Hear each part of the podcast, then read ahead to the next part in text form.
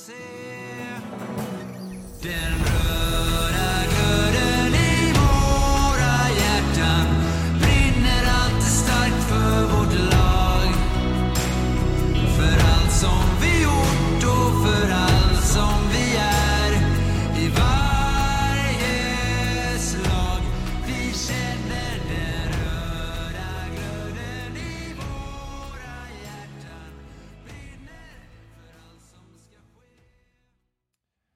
Välkomna till podden om Kalmar HC i samarbete med Mad Group International.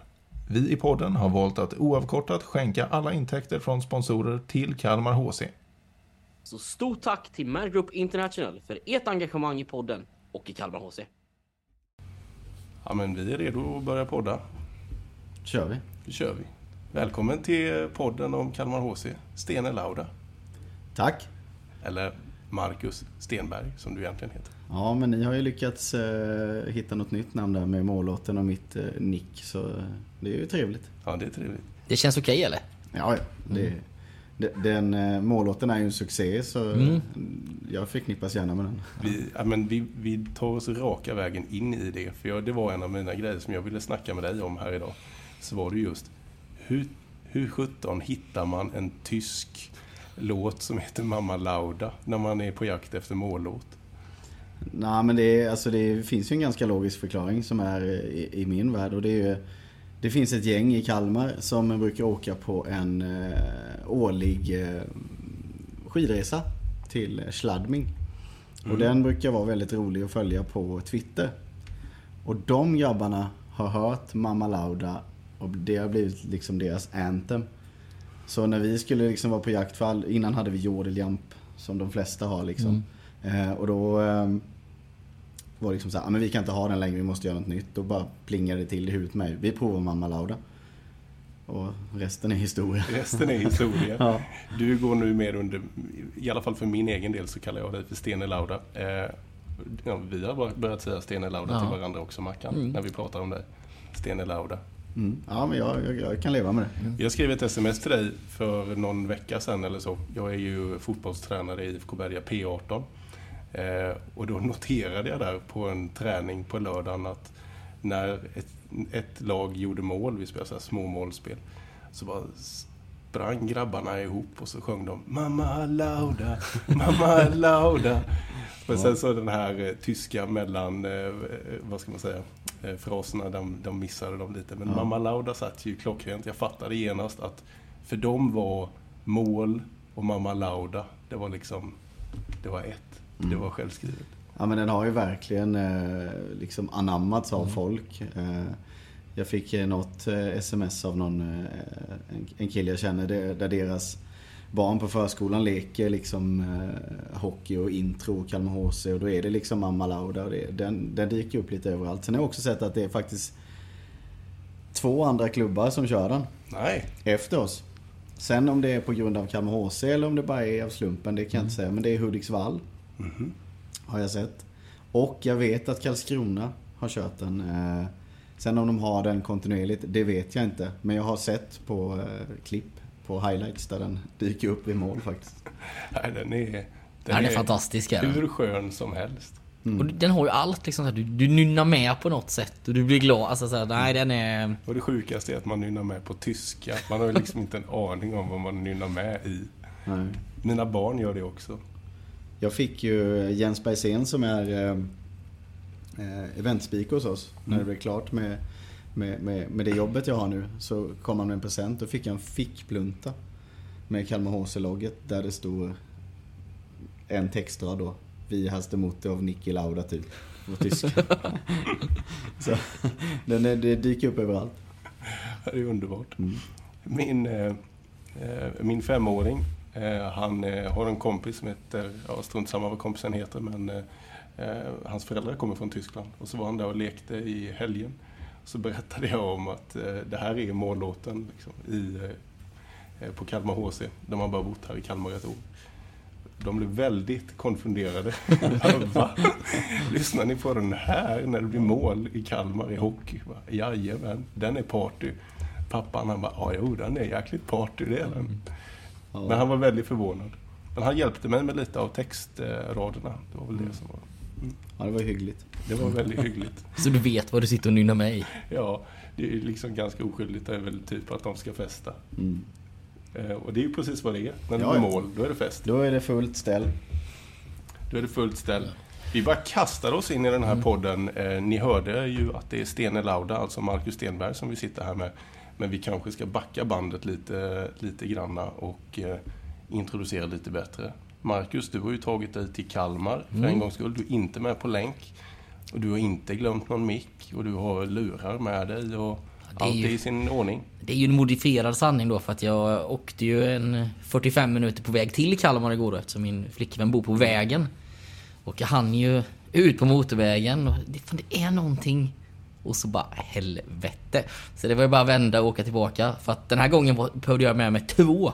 Så det hade blivit Mm. dy- ännu dyrare stopp eh, den här gången. Idag har vi riggat fyra mickar för vi kommer med lite jämna mellanrum få lite nya gäster. Men det här avsnittet ska ju handla om, eh, om, eh, om dig, Marcus Stenberg. Vi vill ta och höra lite mer om, om din historia inom Kalmar HC. Eh, Den är lång eh, och du har precis börjat skriva på ett nytt kapitel. Eh, Men vi börjar väl med faktarutan va? Och vi har nästan ställt av frå- två frågor men vi tar väl dem en gång till. Din eh, nuvarande roll i Kalmar HC då? Ja, den är ju då ansvarig för kansliet och vårt event egentligen. Ehm, Ja, sen, sen är det ju liksom en allt-i-allo-roll. Eh, Jag har ingen prestige i vad jag gör. Så det är ja, men dagliga driften skulle jag säga. Och sen då jobba med vårt event på matcherna och se hur vi kan utveckla det på sikt. Ja. För vi ska väl också säga det att du har jobbat två och en halv dag Mm. på din nya tjänst. Och när vi spelar in det här, det kommer säkert ta någon vecka innan, Mm. innan det ska ut. Men du jobbade ju även med eventet eh, men på ideell basis eh, innan. Ja, precis. Och det har ju utvecklats alltså, över tiden här i Hertz Arena har vi behövt liksom bygga ett riktigt event. Och jag gjorde det innan och sen har Filip kommit in nu då som klubbchef som, som drar mycket i det och vi har blivit mer som, ja, vi bollar fram och tillbaka. Sen sköter jag eventet när liksom från, från värmningen till, till matchen är slut. Alltså med allt som händer på ja, mediakub, intron, allting, matchvärdar och allting sånt och liksom hantera det. Så att, ja, det är ganska likt sen innan förutom att man har chans att göra lite mer på dagtid. Då. Ja, men jag förstår. Den Och smek, smeknamn har vi också redan ställat av va? Ja, det är ju Stene då. Stene Lauda. Ah. Lauda. Stenis. Kärt barn har många namn. Ja, det, Och nu ännu ett. ja precis. Nej, det Stene är kul att ni har uppfunnit ett nytt. Ja, gött. När du var, eh, om man, om man tar nästa fråga som vi brukar ställa då. eh, Har du något tidigt hockeyminne? Alltså jag kommer ihåg eh, när man började spela hockey. Eh, jag säger ju någonstans utåt att jag var 5-6 år. Eh, jag kommer ihåg när jag fick mina första skridskor och en röd hjälm. Liksom. Det, det är nog det första hockeyminnet. Liksom. Det minns jag som det var igår. Jofa-skridskor kommer jag ihåg. Så det är nog det, det första hockeyminnet när allting började. Liksom. Sen minns man ju ja, liksom alla de här första, jag minns första träningarna liksom hur det var. Eh, Så Var, det du, min... var du biten direkt eller var det någonting som du växte in i? Ja, men det skulle jag säga att jag var. Min eh, pappa var ju väldigt, väldigt duktig i fotboll och eh, borde väl egentligen hela min släkt på pappas sida är ju fotbollsspelare liksom lokalt och duktiga. Och, och, men jag spelade fotboll med, men hockeyn har alltid varit det som är hemma för mig liksom. Hade du någon idol när du var liten? Jag vet att alla har sagt Peter Forsberg den här. Ja, så jag ja. tänker inte säga det. Men jag var mer, jag var mer så här lokal. Eh, alltså från, det, från de yngsta åren. Då hade jag en kille som heter Joakim Basilius. Som spelade här i, i Kalmar HCs A-lag. Det var min första liksom, hockeyidol. Sen var det, kommer jag ihåg när jag var lite större sen man spelade. Då var det Christian Huselius. Mm. När han spelade i Frölunda. Han var ju hur bra som helst. Husse. Eh, sen givetvis Foppa. Så är det. Men om man tänker, nu pratar du lite om Christian Huselius. Alltså, när du växte upp i Kalmar, som vi kommer gå igenom här, så var ju Kalmar ett division 3-lag eh, under Mm. större delen av tiden. Eh, had, har du hejat på något annat hockeylag? Alltså om man tänker något elitlag kanske, om man säger så när du var ung. Ja, men eh, jag kommer ihåg första tiden tror jag var Modo. Jag vet inte varför. Nej. Sen blev det ju då Frölunda. Eh, på grund av Christian Huselius helt enkelt. Så Frölunda har alltid varit mitt lag, men senare år har jag varit lite kluven åt många håll. Det finns många SHL-lag jag tycker är roliga att följa. Ja. Eh, Men Frölunda är väl det som ligger närmast hjärtat. För det blir en helt annan grej som vi säkert kommer komma upp på att ja, men, dagens ungdomar och barn som växer upp kommer ju kanske mer naturligt ha Kalmar HC som sin klubb eftersom Kalmar nu då tillhör eliten. Eh, När, när du växte upp så, så kanske man kanske letade lite mer för att ha något lag uppe i eliten att också heja på. Ja, det förändras ju eh, med tanke på hur det ser ut idag. Men jag tänker att vi ska ju prata om din resa som vi då har fått reda på att den är 31 år i eh, Kalmars eh, tjänst på olika sätt. Eh, jag tänker att jag lämnar ordet lite fritt och så får du börja. Var började det någonstans? Nej men det började egentligen då i Björnligan när jag var, som jag sa, 5-6 år. Jag började spela hockey där med, med den kullen som blev vidare då till Vargligan. Så det var ju ungdomshockey inledande. Eh, vilket jag tyckte var jätteroligt. Eh, så redan där fångades jag liksom. Eh, och sen... Eh, ja, men ho- hockeyn har alltid varit min trygga punkt i livet på grund av olika omständigheter. Eh, med familjeliv och annat så liksom. Så jag var ju 24-7 i ishallen tills de liksom slängde ut mig. Eh, Så det är det som har byggt hela det här intresset som har blivit 31 år. Jag har aldrig varit ifrån hockeyn sen jag började spela. Eh, Mer eller mindre alltid har det funnits där. Hur länge var du aktiv som spelare? Jag spelade hela vägen upp till J20 i Kalmar. Men då var jag bara 17 år när jag spelade J20 här. Ehm, Så J20 med, då hette det... eh, Nej, det var IF Kalmar Hockey var det. Men vi spelade något då i Kalmar Knights också. Det var ju där mellan IF Kalmar Efter konkurs eh, så blev det IF Kalmar Hockey. Då skulle man inte ha A-lagsverksamhet. Då skulle man ha eh, två separata föreningar. Sen skrotades det. Så jag har spelat något år i juniorerna i Kalmar Knights då. Så jag spelar upp till J20. Vad är det vi sitter framför? Är det en eh, hårt jobbande forward eller är det en eh, stabil back? Nej, eh, eh, väldigt teknisk Mm. spelare. En husse? En Huselius? Ja, men det var mycket förebild så. Jag eh, spenderade otroligt mycket timmar här under mina ungdomsår. Eh, man lärde känna vaktmästarna. Eh, det var några som, jag vet en kille, Stig hette han, bodde i tre mil utanför Kalmar. Han jobbade helgerna. Då bodde han ishallen över natten. Ah, Så med andra ord, när liksom lördagskvällen var sju och det var slut, då var han kvar. Och jag med. Då fick man ju låna isen. Och eh, allmänhetens åkning, jag var med mycket i ungdomslag. Eh, frågade för jag var med och hjälpa till idag liksom. Och det skyffla puckar, köra några övningar lite sådär, man var lite äldre. Eh, så att jag la väldigt, väldigt mycket tid på att träna. Så jag blev väldigt, jag var väldigt duktig skridskoåkare och väldigt fina händer liksom. Eh, så jag var mer en lirare. Men från början var jag faktiskt forward.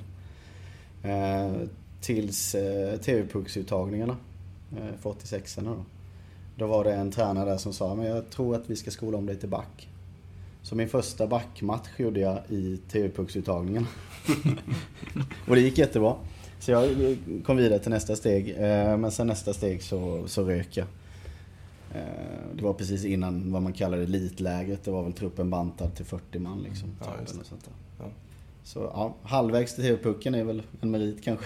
Ja men alltså, i, Sm- i Småland som kanske är det, det är kanske det tuffaste efter Stockholm. Att, Alltså att nå TV-pucken på den tiden. När, när du och jag växte upp, eller vi alla tre, så hade ju Stockholm bara ett lag. Nu har ju Stockholm två lag. Men alltså från Kalmar då, som på din tid igen var en, en mindre klubb. Så är det ju mycket, alltså det är ju nästan omöjligt att ta sig hela vägen in i TV-pucken. Du Vi hade ju två stycken eh, i 86 Ja. Det var Alexander Kovalönok. Som är då Viktor Kovalönoks eh, son. Som har tröjan hissad här ute i Headstrong. Och sen en målvakt som heter Lasse Tigreus. Så vi hade faktiskt två som var med i Ah, 86 okej. kullen. Så. Jag tror det var, jag, ja, jag tror det var två. Ja, Spelade Marcus Svensson TV-pucken? nej. Det var så va? Nej, han gjorde inte det. Nej. Jag kommer ihåg Mackan när vi spelade. Han är ju två eller nej. Mm. Då, eh, han, var, han var ju väldigt duktig. Men jag kommer ihåg, jag har ett jättetydligt minne från när han och en kille, en annan målvakt, låg och lagade sina skydd och stoppade i strumpor i dem. Alltså du vet, typ skar upp så här på sidan, med gamla skinnskydd liksom. Sydde igen. Det är ett jättetydligt minne från Mackan Svensson. Det låter som att den måste vi ta upp med någon gång under kvällen med Marcus Svensson. Att, Ja, eh, vi får se om han minns den. ja, Varför gjorde de det? Ja, det var, de var för mjuka eller? Ja, jag vet inte. Det hände så mycket roliga grejer i de där katakomberna i... i då var det nog till och med Kalmar ishall. Vi får fråga om han stoppade skydden när han spelade i, i Moskva. Jag har en annan fråga till han, men det kan vi ta sen. Det kan vi ta Ja, ja, men vad bra. På, på slutet. Eh, Men när du har gått från, från spelare sen då, vad är, vad är nästa, vad ska man säga? Eller varför slutar du egentligen också Ja, då? varför slutar- Peter?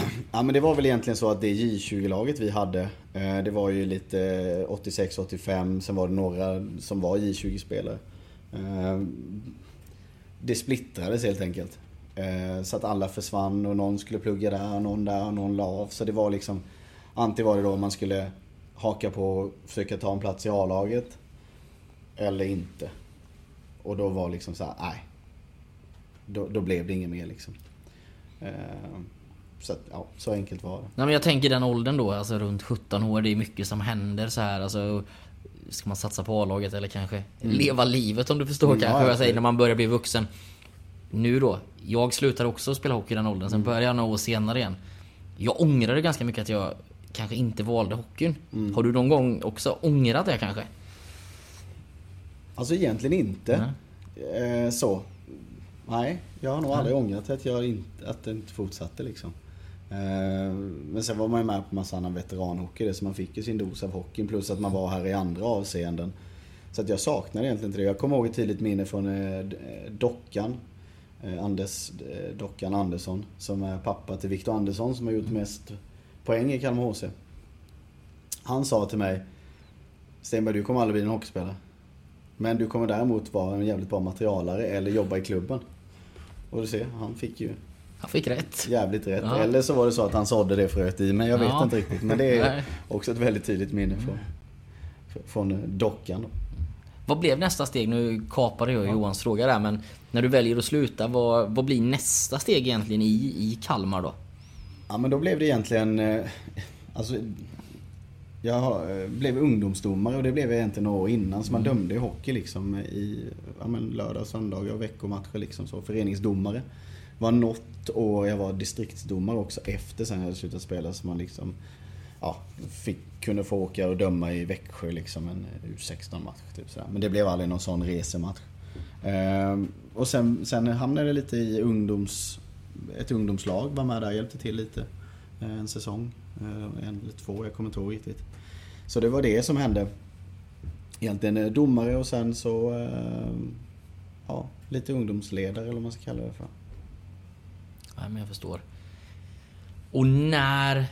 När tar du liksom, om man pratar det här med event och det här med musiken och det, vet du, du börjar med ganska tidigt. Är, är, är det innan du blir materialare eller är det efter?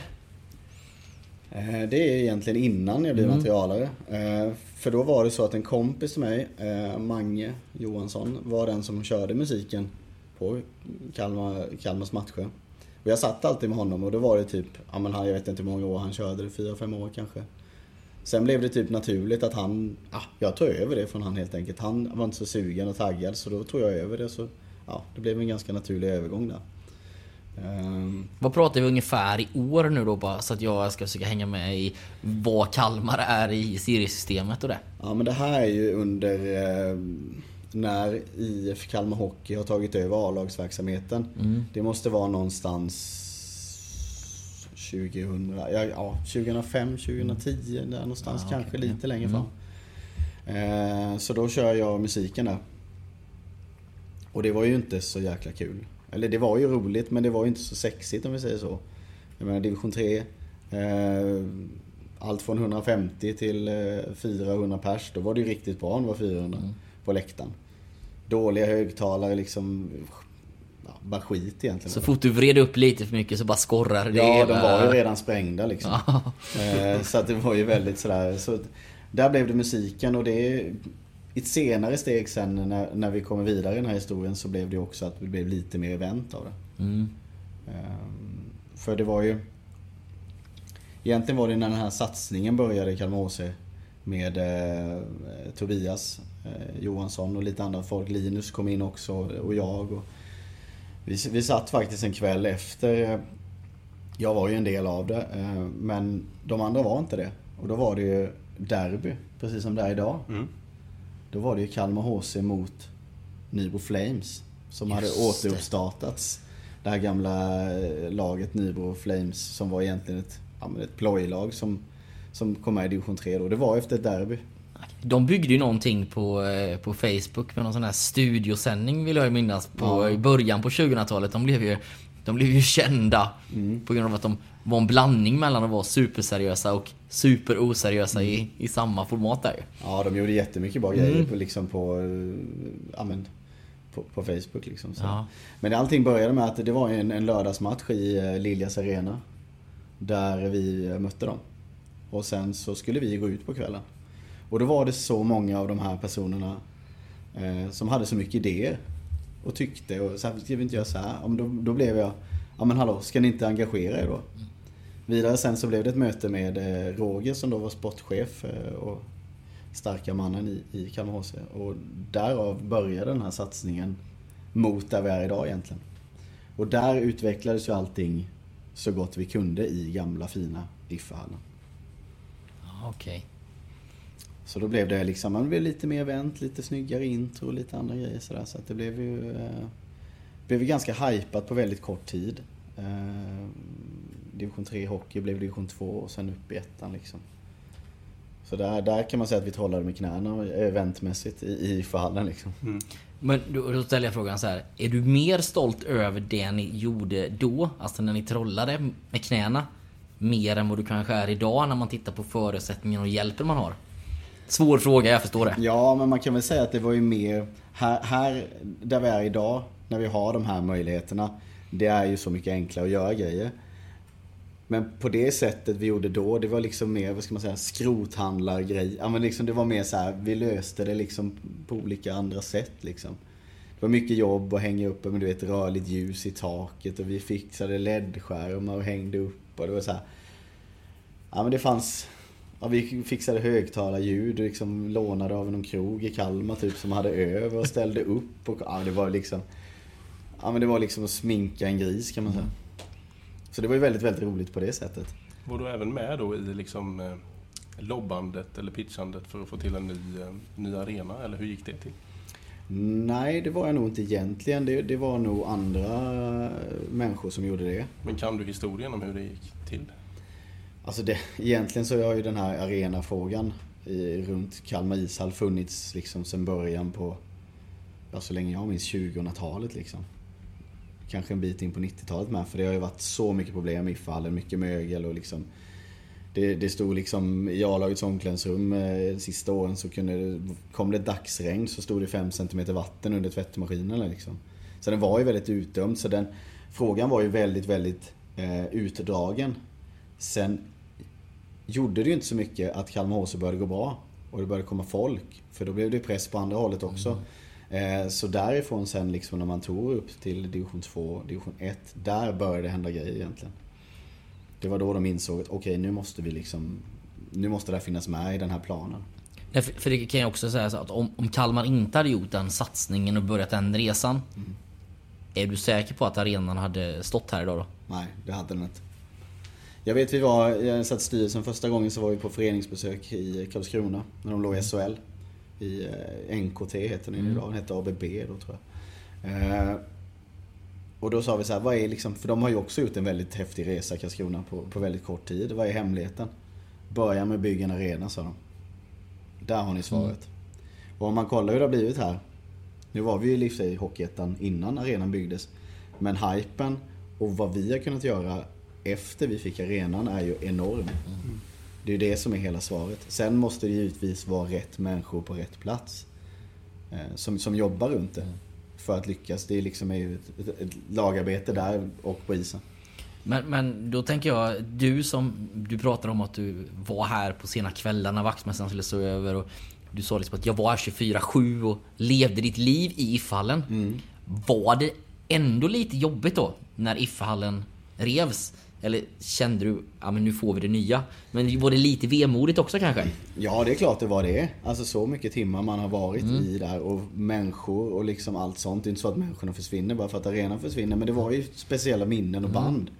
Eh, och där finns det ju liksom många minnen ifrån den tiden liksom. när- Med kompisar när man växte upp och alla liksom människor som har passerat också.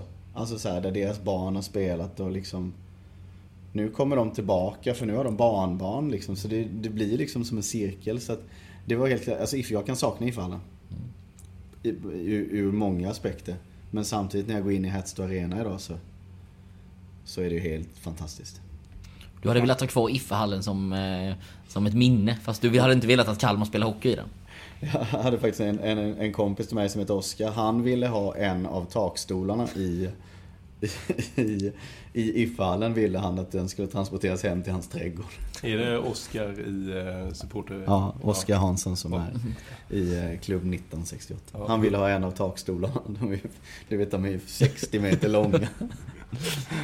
Husse. Mm, husse. Ja, men då är frågan, fick han det eller? Nej, det blev aldrig av. Det blev aldrig av, okej. Jag tror inte hans eh, sambo Sanna hade uppskattat honom. Nej, jag, jag kommer ihåg, vi snackade med Husse när vi var här på KHC-dagen. Han är ju ett av typ avsnitt nummer fyra eller något sånt där som vi gjorde. Men jag vet att han beskrev också den här lite nostalgin till Ifehallen. Att det var bara öppna, det var bara öppna dörrar, det var fan inget låst. Det var liksom, Nej, det, man litade på varandra och ja, ville man, vill man vara i Ifehallen så var det öppna dörrar. ja det fanns även folk som slog in dörrar där. Mm. En eh, juniormaterialare en gång i tiden han var så jävla förbannad på att de inte fick några grejer från A-laget så han slog in dörren bara till A-laget som behövde. Sådana grejer hände i IF-hallen. Det var- mer rock'n'roll i IF-hallen. Ja, Faktiskt. det, det är ingen som plundrar Puffens eh, material för Nej, idag. nej då. Det är nog det sista man gör. Det är nog det sista man Ja, det är underbart. Ja. Var, men du var en sväng eh, och jobbade du med Puffen också då eller? När du var materialare? Ja, eh, och det blev egentligen att de ville ha mig eh, med Puffen eh, som materialare för de tänkte att jag kunde tillföra det. Så då headhuntades jag ifrån musiken in till Team Puffen. Så då var jag med i, det var ju då i första året i Hockeyettan var det. Och andra året i Hockeyettan som materialare. Eh, Och vi var inte heltidsanställda utan vi gjorde det i princip på ideell basis. Symbolisk summa liksom eh, för, för ersättningen. Jag har räknat ut någon gång vad det var i timlön. ja. Ja, spelar ni kval på slutet när det kommer de här monsterresorna, då, då är det ingen bra tim timlön. Nej, det var inte någon bra timlön. Det var, det var bara med hjärta var det. Eh, Så då var jag med två säsonger där med, med, med Puffen och sen Jakob eh, som är med idag. Sen en kille som heter Johan eh, Wigert. Eh, Vi eh, fyra körde liksom eh, A-lagsmaterialet eh, i två säsonger. Eh, Så det var materialarkarriären. Jag har faktiskt varit, fått, och det här var ganska fint också, det var ju under Innan konkursen, de två, innan, två åren innan där, så hette det ju Kalmar Wildcats. Det var ju så liksom poppigt med, med affisch, eller liksom sådana namn liksom. Och då var det en, en eh, tränare som hette Darren Treloar som tränar Kalmar Och jag satt varje träning, såg jag, A-laget. Satt i hemma, utvisningsbåset. Uppe, för det var en meter typ träsarg med en kant på som en liten bänk. Och sen var det plexiglas 60 cm. Så då satt jag på plexiglaskanten och hade benen på den här träbänken och kollade varje träning. Spelarna gick alltid ut där. Eh, och då frågade man, kan jag få din klubba? Kan jag få din klubba? Ibland fick man en klubba. Så man lärde känna dem liksom. Och då var det en dag så kom Darren och frågade mig, det är inte så att du vill hjälpa till lite där inne istället i omklädningsrummet? För där fick man inte gå in. A-lagets omklädningsrum var ju helig mark. Eh, Och så är det ju fortfarande. Så då fick jag vara med eh, och vara materialare där. Som, ja, hur gammal var jag då? 14 kanske. Så fick jag vara med i A-laget och hänga där inne liksom. Det var ju skitkul. Fan vad häftigt. Ja. Så de, det var väl egentligen så. De visste ju att jag alltid var där. Ja. Så liksom, ja, men istället för att du ska komma in till oss liksom. Så de öppnade upp dörren. Eh, sen vad jag gjorde, men det var ju liksom fylla flaskor du vet. Så. Samla in lite tvätt och, men Ja. sånt som behövs göras Ja. men som, som ändå hjälpte till och du kände också att, alltså det, för det jag tänkte tänka mig då att det var liksom ascoolt till dina polare att liksom, jag hjälper till i A-laget Mm. Ja. nu och Ja, och sen var det en tillhörighet på något vis också. Mm. Och det är det som hela hockeygrejen för mig handlar om. Det är trygghet, tillhörighet. Eh, har man någon gång sysslat med en lagsport så tänker jag att man behöver ha den livet ut. För man bygger så starka band. Eh, så det var mycket, och sen som sagt då hemma var det inte eh, glass och ballonger. Så det var ju, min fristad är ju liksom eh, Kalmar HC. Mm. Nej, för vi tänkte jag skulle komma lite åt det lite personliga, för du, Mm. du pratar om lite, eh, både med oss eh, off-podd förra Mm. gången du var med, och sen även när du var med i, i Barometern här, att, Ja. att det var lite struligt hemma och det här blev min trygga zon. Eh, För de som lyssnar här då, som kanske inte känner till det, och Mm. för oss, vill, vill du utveckla det lite? Absolut, jag har ju som, som du säger pratat om det i Barometern. Jag tror jag har gjort det i Kalmarposten med och lite sådär. Och det, det är ju väldigt roligt att folk förstår, eller liksom att tidningarna snappar upp det. Eh, för jag har inga problem att berätta om det. Men jag växte ju upp med en eh, styvfar som var alkoholist. Eh, egentligen period, periodare säger man ju. Så det kunde ju vara ett rent helvete. Att liksom vara där. Och då var det ju så mycket enklare när man kom hem från skolan. Att bara byta om och dra ner till ishallen. Sen var jag där från liksom, om jag säger att jag var nere vid fyra liksom. Sen var jag där att jag skulle gå och lägga mig. Och vi bodde ju bara tre minuter cykel härifrån. Eh, Så det, det var ju det som hade skapat den här tillhörigheten. Att, att, att liksom få vara en del av Kalmar HC och liksom Ja men som en familj. Så, som vi säger mycket av KC-familjen. För mig är det starkare än bara de här KC-familjen-orden. Mm. Långt, långt ut i fingerspetsarna. Nej men, nej, men jag förstår det. Och om vi nu då leker med eller en hypotetisk fråga att du hade växt upp normal uppväxt om du förstår vad jag menar. Att du Absolut. inte hade haft den problematiken hemma. Tror du att dina känslor för Kalmar har varit lika starka eller har det också påverkat att Kalmar betyder så mycket för dig idag? Det är väldigt svårt att svara på men jag tror att det hade nog inte gjort det. Alltså det hade inte betytt lika mycket för mig som det gör idag. Eh, för de banden och de minnena man har ifrån liksom uppväxten. När jag tänker uppväxt då tänker jag Ifehallen. Eller Kalmar ishall som den hette innan Iffe blev förärad med, med namnet på den. Men eh, det är liksom enbart det jag tänker liksom. Jag läste om eh, någon form av initiativ från Kalmar HC med hockeyfritids. Ja, det, det kändes bara när jag hörde din historia om att ja, det var öppna dörrar inne i fallen så det var bara att gå hit och ishallen var öppen. Mm. Så det var ju ditt fritids kan man lite säga. Ja på sätt och vis. det. nu, finns det, nu känns det som att eh, ja, men nu kanske man organiserade eh, Mm. lite mer hockeyfritids. Ja, hockeyfritidset är ju ett eh, väldigt, väldigt trevligt, eh, trevligt sätt liksom för, för barnen att eh, komma hit. Det är olika åldrar på isen och en ledare på isen och det är liksom ja, lek. Hur funkar det? Helt ärligt är jag inte jätteinsatt i det. Men Två och en jag halv dagar gammal på jobbet. så Ja, jag det kanske borde ha mer koll på det. Men, eh, men jag, tror, jag, jag tror att det liksom öppnar, öppnar dörrar. Att du är välkommen. Sen om det behövs någon anmälan eller inte, det vet jag inte. Men det, ja, det är hockeyfritids helt enkelt. Kom dit och ta på dig grejen och så kör vi liksom. Det var lite det jag var ute och fiskade efter. Jag menar, du gjorde det till ditt fritids. Men nu har ju Kalmar HC liksom med, som verkligen visar hjärta ut mot samhället, Mm. eh, tycker jag då, gör det här hockeyfritids. Nu är det lite mer organiserat. Det är inte bara öppna dörrar in i IFA-hallen, men nu finns det lite mer organiserat då. Mm. Hockeyfritids för de ungdomarna som, som vill trampa ner hit och leka av sig med puck och klubba. Mm.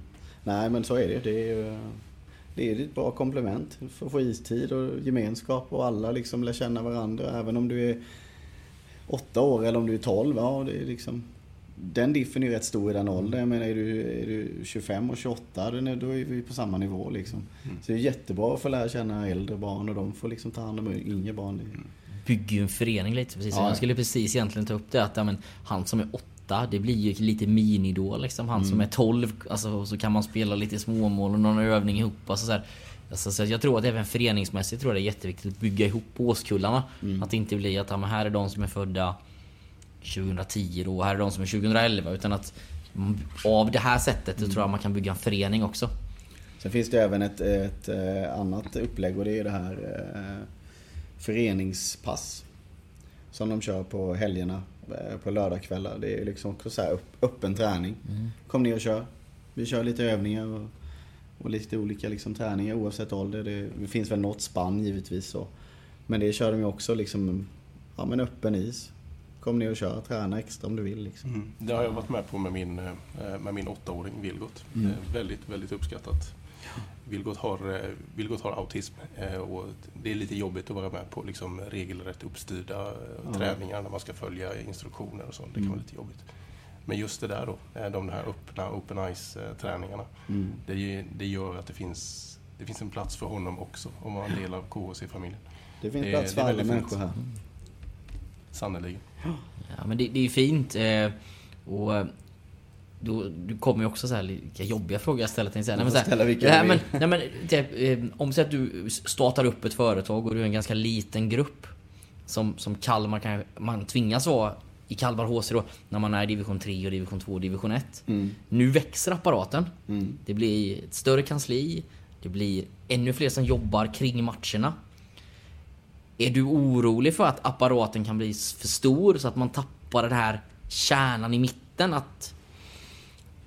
Nej, det är jag nog inte egentligen. Jag tror inte det. Eh, samtidigt som försöker vi ju liksom spegla andra organisationer. Och jag tror att vi är liksom på väg åt en, om vi nu ser till Hockeyallsvenskan, till en organisation som liknar andra klubbar. Sen finns det givetvis större och mindre klubbar, men någonstans mitt emellan. Eh, Så jag är inte så rädd att den kärnan, för att för oss handlar det väldigt, väldigt mycket om personlighet. Det är ju så Daniel Stolt jobbar. Alltså vad är det för människor som ska hit? Och visst är de bra hockeyspelare. Ja, men vad är de för personer? Jag har hört flertalet spelare de har på gång. Som de får referens utifrån. Som de väljer att nej, tack. Vi är inte, nej, vi är inte intresserade. Och det kan vara på grund av det. Och så känner, känner jag att liksom speglingen är också ifrån när vi tar in, tar in folk. Liksom. Det ska vara bra personer. Det är liksom grundbulten i allting. Eller sunda värderingar liksom. Ja, nej men jag förstår. Men Kalmar HC då, alltså, alltså kärleken du har för Kalmar HC. Om jag kastar iväg och låter dig, får- nu får du drömma lite. Vad är liksom 31 år har du varit i Kalmar. Om 31 år, vad drömmer du att Kalmar är då? Alltså om man går tillbaka och, och, och tänkte hur man drömde förr. Då eh, hade man väldigt, väldigt svårt att säga att vi skulle spela Hockeyallsvenskan. Eh, så jag är inte så mycket av en drömmare. Kanske ett tråkigt svar. Men just nu vill man ju bara bli en etablerad, på kort sikt vill man bli en etablerad Hockeyallsvensk förening. Men det är väl såklart att alla människor vill ju liksom sträva mot det bästa. Det är klart jag vill spela SHL-hockey i Kalmar, i Kalmar i Hertz Arena. Det hade ju varit en, en häftig dröm liksom att få hit eh, Frölunda. För då hade jag inte hållit på Frölunda, det kan jag lova dig. Så, eh, nej men det är kortsiktigt etablera oss. Eh, långsiktigt såklart, spela SHL. För vi hade ju uppe det på när du var med i det förra avsnittet där. Eh, De som vill lyssna på hur ett event fungerar så är den podden lite bättre och den hittar man ju där, där man lyssnar på den här podden. Men där pratade vi lite om att Björklöven och Brynäs och de här storlagen skulle komma hit. Hur- Hur har det varit att ha det här? Alltså är det lite surrealistiskt när man tänker på det eller ser dem live här ute? Ja, och för mig är den tydligaste eh, ty- tydligaste delen är ju när de kliver ut på uppvärmningen. Och man ser till exempel då, Brynäs var väl egentligen den första stora matchen vi hade mot storlag, eller var det? Ja, jag tror det. Och när liksom de kom ut i de här klassiska Brynäs-tröjorna med det här på axlarna, helt reklamfria, och Brynäs-loggan, det, det var jävligt häftigt liksom. Man har ju väldigt stor respekt för Brynäs. Mm. Och likadant när Djurgården var här liksom. Det är rätt häftigt. De står för liksom 30 SM-guld tillsammans. Ja, precis. Och eh, mängder med liksom hockeyhistoria på något vis. Så det är häftigt att få ha hit dem liksom. Men eh, jag tycker eh, Torala och killarna har verkligen tagit sig an den utmaningen om man vänder till det sportsliga. Alltså vi kan tycka att sitta på läktarna och tycka att det är lite coolt och lite häftigt. Men jag tycker inte man ser det på, på Torala och, och spelarna. Och det är ju bra såklart. Mm. För jag menar, Djurgården, de får åka hem med svansen mellan benen. Vi åker upp och stör Björklöven ända in i slutet liksom. Och Mm. det är noll pardon. Ja, men det finns ett go där nere i det omklädningsrummet eh, som är väldigt drivet eh, genom mm, såklart Viktor, Oliver och alla andra som jobbar där nere. Det är en tight grupp och eh, bra människor. Alla liksom tävlar mot samma mål och de har väldigt, väldigt, väldigt tydliga mål. Är min uppfattning. Men, och det gör ju också att det finns ju ett väldigt, väldigt bra hockeylag. Alltså det är väldigt duktiga spelare som, som är i Kalmar HC. Och kan man då få ihop gruppen då kan man ju liksom åstadkomma större saker än vad expertkåren tror. Vi, eh, vi poddade tillsammans med Björklövens podd för någon vecka sedan. Yes. Och de var båda eniga i eniga, överraskade och ville ge cred till Kalmar just i vilket lag, vilket lag det var som kom till Umeå. Alltså på pappret så kände vi typ inte igen några spelare. Men vilket jäkla bra lag. Men det är ju så, alltså om man ser den här Daniel Stolt och Viktor Turala-eran. Så Viktor pratar ju mycket om det här att vi har aldrig fått den cred vi förtjänar. Eh, och jag är beredd att hålla med honom för jag tycker att vi har haft sjukt bra hockeylag. Men det har alltid varit när det tippas och liksom Även om vi varit med i toppen och tippats i Hockeyettan så har det alltid varit så här, Ja men trea, fyra liksom så här. Men det är ju också på det sättet man bygger lag. Daniel bygger ju liksom Han har ju sin filosofi och bygger sitt lag. Och det kanske inte är det, det flashigaste men det är jävligt bra hockeyspelare liksom. Och sätter du samman liksom de här komponenterna då blir det en bra helhet. Så det, det är väldigt häftigt. Och sen känns det också då, alltså, vi poddade ju med Torola inför säsongen. Och han pratade ju mycket om så här, liksom, spelsystem och hur viktigt, alltså så här, Och då, eh, jag då som tänkte lite att okej men det här, det är väl så man säger som tränare. Men egentligen hela, va- varenda match du lyssnar på honom och ser hur Kalmar spelar så känns det också som att han är han har en spelidé som är supertydlig och verkligen maximerar spelarna han har till förfogande. Så att jag måste säga att jag är ruskigt imponerad av hans eh, insats också. Med hjälp av sin assisterande såklart, det är värt att lägga till då. jag vet att eh, Robin Dahlstedt som eh, har spelat, jag vet inte hur många säsonger, åtta säsonger i Kalmar. Jag frågade han hur är det liksom nu att spela hockey liksom eh, så här. Ja, jag har aldrig vunnit så mycket matcher på taktik han, som vi har gjort med Viktor Turrala. Det var hans liksom summering av, av, av den tiden. Mm. Eh, och det säger ju lite. Det är verkligen intressant. Du, en annan sak jag vill bara eh, få med här eh, med eh, segway från att vi ju pratade med eh, Björklövens podd och eh, veckan innan det så pratade vi med Lars Lindberg på TV4. Eh, Och i båda de eh, poddarna så Fråga dem lite grann om eh, derbykänslorna och derbyt mot Nybro och lite sånt där. Jag och Marcus är fel personer att återberätta det eh, helt och hållet. Vi kan väl egentligen bara säga att vi fattar eh, liksom, känslorna som byggs upp. Vi har precis kommit in i det här och vi ser, vi hör på alla sociala medier, folk man pratar med, dig, Linus, alla att jo, men det betyder jävligt mycket. Men om du skulle få sätta ord på det, vad är det för derby känslor du har? Men just nu, den här, det här derbyt blir lite annorlunda. Eftersom jag numera jobbar heltid här. Och man har fullt upp hela dagen, man har inte hunnit fundera så mycket utan man måste uträtta saker. Men en derbykänsla är ju alltid lite nervositet. För att det kommer vara liksom så tight och det är liksom elektrisk stämning på läktarna oavsett om vi spelar i Hatstore eller i Liljas Arena. Eh, så är liksom känslan är ju den är ju liksom, ja men den är elektrisk. Alltså det, det, man är så taggad. Igår när jag skulle sova, det var så här, fan det är derby imorgon. Då liksom, man liksom, nej det, det, det är det enda man tänker på. Och det, är, det är såklart viktigt att vinna derbyn. Uh, och, och ah, det är speciellt det. det. Det är svårt att förklara också. Uh, men sen är man ju så väldigt glad att det är Ja men biljetterna sålde slut på liksom rekordtid och det har aldrig varit hetare. Så att det kommer bli, kvällen, ikväll kommer bli elektriskt här inne. Nej, för om man tittar på då, så alltså, här, Nybro då. Ni sa att ni spelar derby mot Nybro Flames. Alltså det är ju 10 år sedan kanske? 12 kanske? Ja, där, ja där någonstans Ja, är vi nog i ungefär. tidslinjen. När blev liksom, alltså när blev Nybro Vikings en, alltså den här derbykänslan på seniornivå? För att ni har ju ändå varit ganska långt ifrån varandra i seriesystemet på, på A-lagsnivå. Jag förstår att det har varit hett på ungdomssidan. Ja, det får man ju med sig som, som liten pojk liksom. För då möter man ju Nybro väldigt tidigt. För eftersom det bara är så kort sträcka. Eh, Men egentligen skulle jag säga att det var när vi gick upp i Hockeyettan och Nybro låg i Hockeyettan. Där började det liksom bubbla. Och vi hade ju även, när vi spelade division 2 och de spelade division 1, då hade vi ett derby. Eh, en träningsmatch derby. Och det blev ju väldigt, väldigt hett. Det var ju liksom fullsatt. En träningsmatch i Liljas, kommer ihåg att det var 2000, jag vet inte vad det var, 2300 liksom. En träningsmatch.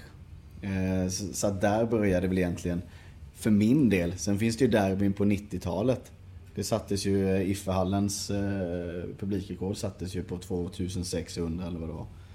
Eh, det var ju Kalmar-Nybro. Alltså jag var på den matchen, jag tror det var 96, 94, 95, där någonstans. Vad var jag då? 8-10 år liksom. Det var som packade, eh, vad säger man? Sillar. Ja, men 2 och 6 i Iffahallen, då är det, då är det trångt. Ja, men då fanns det också en gammal ståplatsläktare. Eh, längs hela kortsidan. Plus att ja, men folk satt överallt.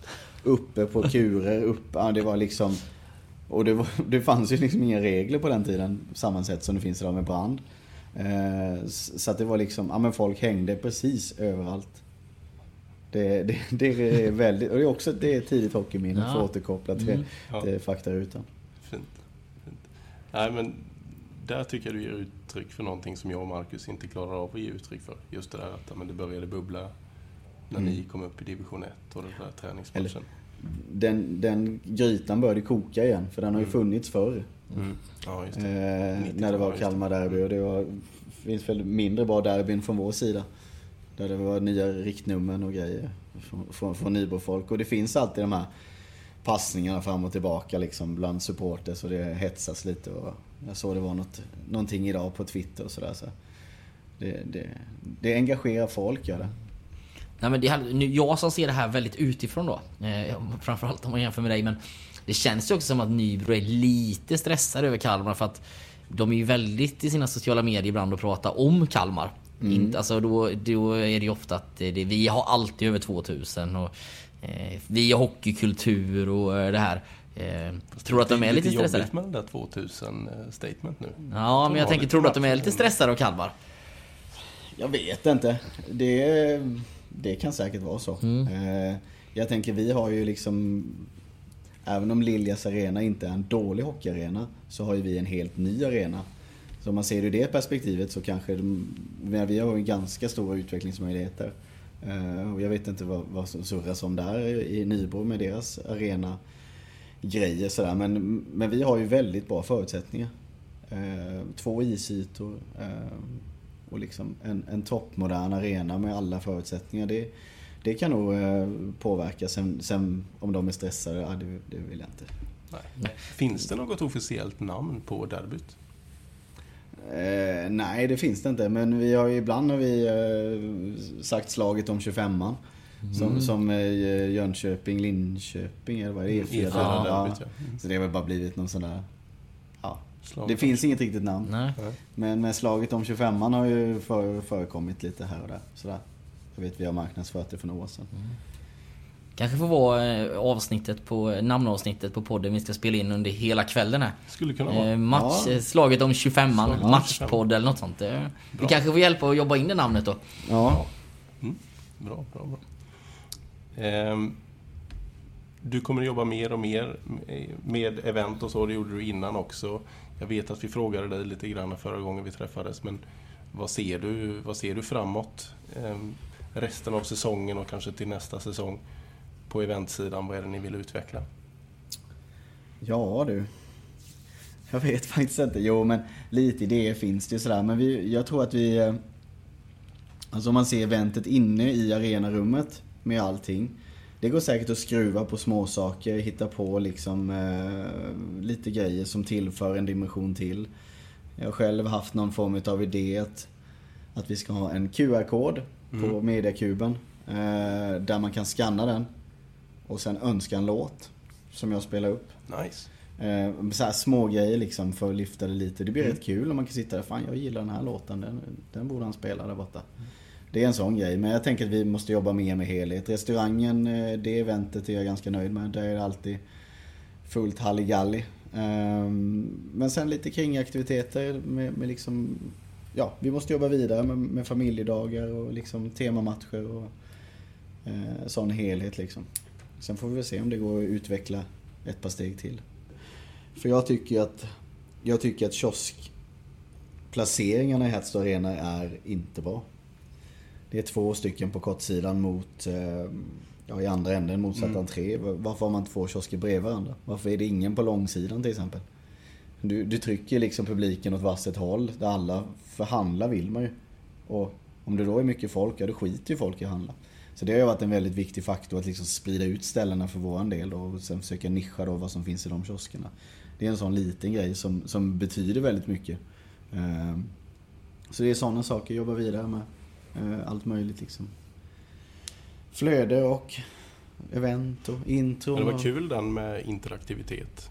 Ehm, Det blir Mm. mer och mer av det i moderna eh, evenemang. Typ om du köar på en, eh, på en åkattraktion på Liseberg så kan du spela något spel på appen Mm. och sånt där. Det, det går mer och mer mot sådana saker. Mm. Ja, sen skulle man vilja ha så här klassiker, Kisscam och sånt. Mm. På mediakuben. Men det krävs lite roddande liksom sådär. Men det får man väl bygga på sikt. Det kan, finns ju må- må- många andra roliga grejer man kan göra liksom. En mediakub är ju mer än att bara visa företagsreklam på. Verkligen. Om man vill. Men det handlar ju om att utveckla det över tid och hitta liksom eh, lösningar. Och det är ju mycket teknik också. Jag har inte då sett det men jag älskar det de kör i NHL nu när de tar någon sån här kändis Mm. och så hittar någon jämförelse på läktaren. Det är ju... Ja, den, Varenda gång man kommer in på den så kan man inte sluta titta för att man tycker bara att det är så, Ja, det är svinroligt. påhittigt ju. Det är ju dock väldigt, väldigt mycket jobb bakom. Ja. Du ska hitta, du ska ha ett Ja. x antal kändisar, sen ska du hitta någon på läktaren. Ja. Som du kan hitta i likt. Så att, jag förstår att det är ett... eh, Du som jobbar med event, Ja. eh, ser nog, du ser nog det här hur svårt det är att få till. det är jättelätt att se möjligheterna Ja. med Winter Classics och JAS-plan som flyger över arenan. Det är lite jobbigare med genomförandet. Mm, ja, men JAS-plan kanske är en jävla fräck grej på introt. Det kommer in ett JAS-plan. Nej men det finns ju också saker man kan utveckla liksom med introt. Nu tycker jag vi har ett jävligt snyggt intro i år. Eh, och, men där finns det så mycket mer att göra. Alltså vet du, integrera skärmarna mer runt om. Jag har sett liksom SHL-lag. Eh, Färjestad är väldigt duktig på det. Så att det blir liksom helt liksom ännu mer elektriskt. Nej men exakt. Men eh, vi får väl se vad tiden har att utvisa. Nej men jag tänkte egentligen eh, innan vi ska släppa vidare till dina, dina nya arbetsuppgifter då. Eh, men är det någonting du skulle vilja ta upp eller prata mer om? Alltså, under alla de här åren, vi har varit inne på en del grejer. Men känner du att vi har missat någonting som det känns som är viktigt för dig i din resa med Kalmar HC? Nej, egentligen inte. Det är väl ganska mycket helhet, alltså utspridd över liksom alla åren sådär. Eh, så egentligen så... Ja, jag tänker att vi har fått med det mesta. Sen finns det ju givetvis eh, massa roliga historier om vad som hände. Det kan ni ta med till Mackan Svensson när ni ska träffa honom. Mm. Ni kan ju fråga varför han fick eh, städa läktaren i två veckor. Det ska vi göra. Ja men det är en bra... eh, Det är en, den är Det var jättebra. han och eh, två killar till som Mm. fick eh, någon, någon form av straff. Det är något bus här. Ja, men Bus det- har det- väl gått. Ja, Men när ni får svaret sen så kommer ni förstå att det här gjorde de med hjärtat. Men eh, historien är ganska rolig. Vi får se om Mackan kommer ihåg det. Annars får ni återkoppla till mig så ska Ja. jag... Eh, Marcus är med oss eh, både innan och i periodpauserna och efter matchen. Det kommer finnas tid Så att vi kommer ta den och har han inte svarat han- innan matchen då Så har vi både periodpauser och efter matchen på oss att ta reda på svaret. Ja, man men frågan ut det och var. grilla honom i så fall. Varför han fick städa träläktaren på IFA-hallen. Det ska vi definitivt säga. Du, när den här podden släpps så har ju matchen eh, spelats. Men eh, jag tycker ändå när vi ändå sitter här och det är lite derbynerv och så här. Så att även om alla vet om matchen har slutat när den här kommer ut. Vad blir det ikväll? Ja. Uff, det blir tight blir det. Eh, alltså en der, derbymatch ska vara tight. Det är två lag som vill vinna till varje pris. Men jag tänker att vi eh, vinner. Och vi vinner med... Eh, jag tror det blir tight. 2-1. Jag satt och tänkte precis Mm. eh, samma. Men eh, 1-1 och 2-1 i sadden då? Jag tror att eh, det som avgör idag är målvaktsspelet. Är Tex Williamson med? Det borde vi Det ha tror kollat jag. upp. Ja, jag tror- För han har varit lite in och ut här va? De lånade väl in en målvakt från eh, Karlskrona här förra veckan va? Just det. Jag såg att, eh, jag läste bara metern, då stod det att han var tillbaka i träning. Så vi får se. Mm. Mackan, du då? Du har 2-1, du har 1-1. Ja, nej, men jag, jag, tror, jag tror att det rinner ifrån. Jag tror att det blir, jag tror att det blir 5-1. Oh. Jag tror inte att det blir, alltså så här, jag har en känsla av att det inte blir, jag tror att det blir öppet idag. Ja, du får gärna ha rätt. Ja, Jag behöver inte ha ett tajt derby. nej. För då blir det mycket av den här. Ja, den Fem gånger. Ja. Fem gånger. Ja. ja, jag är nöjd om det blir så. Hoppas verkligen att du får dra upp volymen på den fem gånger ikväll. Ja, då blir det nog uh, If Allen style. Då ska det låta som spray. Du spränger de här... eh, Viktor. Jag tror inte det går. Jag tror det sitter 48 högtalare inne. Ja, hur det än går så ska det bli fantastiskt kul att, eh, att se derby. Och tusen tack för att du vill dela med dig av eh, din historia och eh, vi har ju i alla fall minst ett halvår kvar med den här podden Johan så att jag är ganska övertygad om att det här var inte sista gången vi satt och pratade med dig. Ja, jag kommer gärna tillbaka. Helt underbart. Till tonerna av Stene Lauda går vi ut. Får göra en ny version. Tack ska du ha Stene. tack, tack.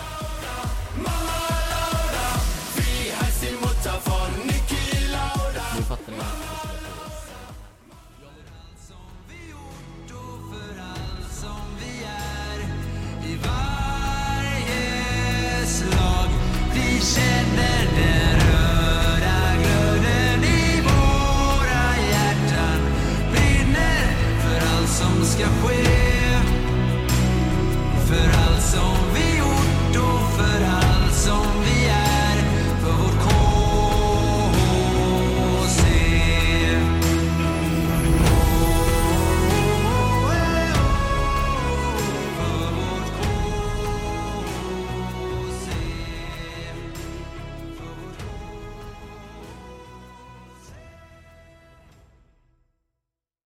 Podden om Kalmar HC görs numera i samarbete med Mad Group International. Och precis som vi sa innan så har vi valt att efterskänka alla våra intäkter till Kalmar HC. Stort tack Mad Group International!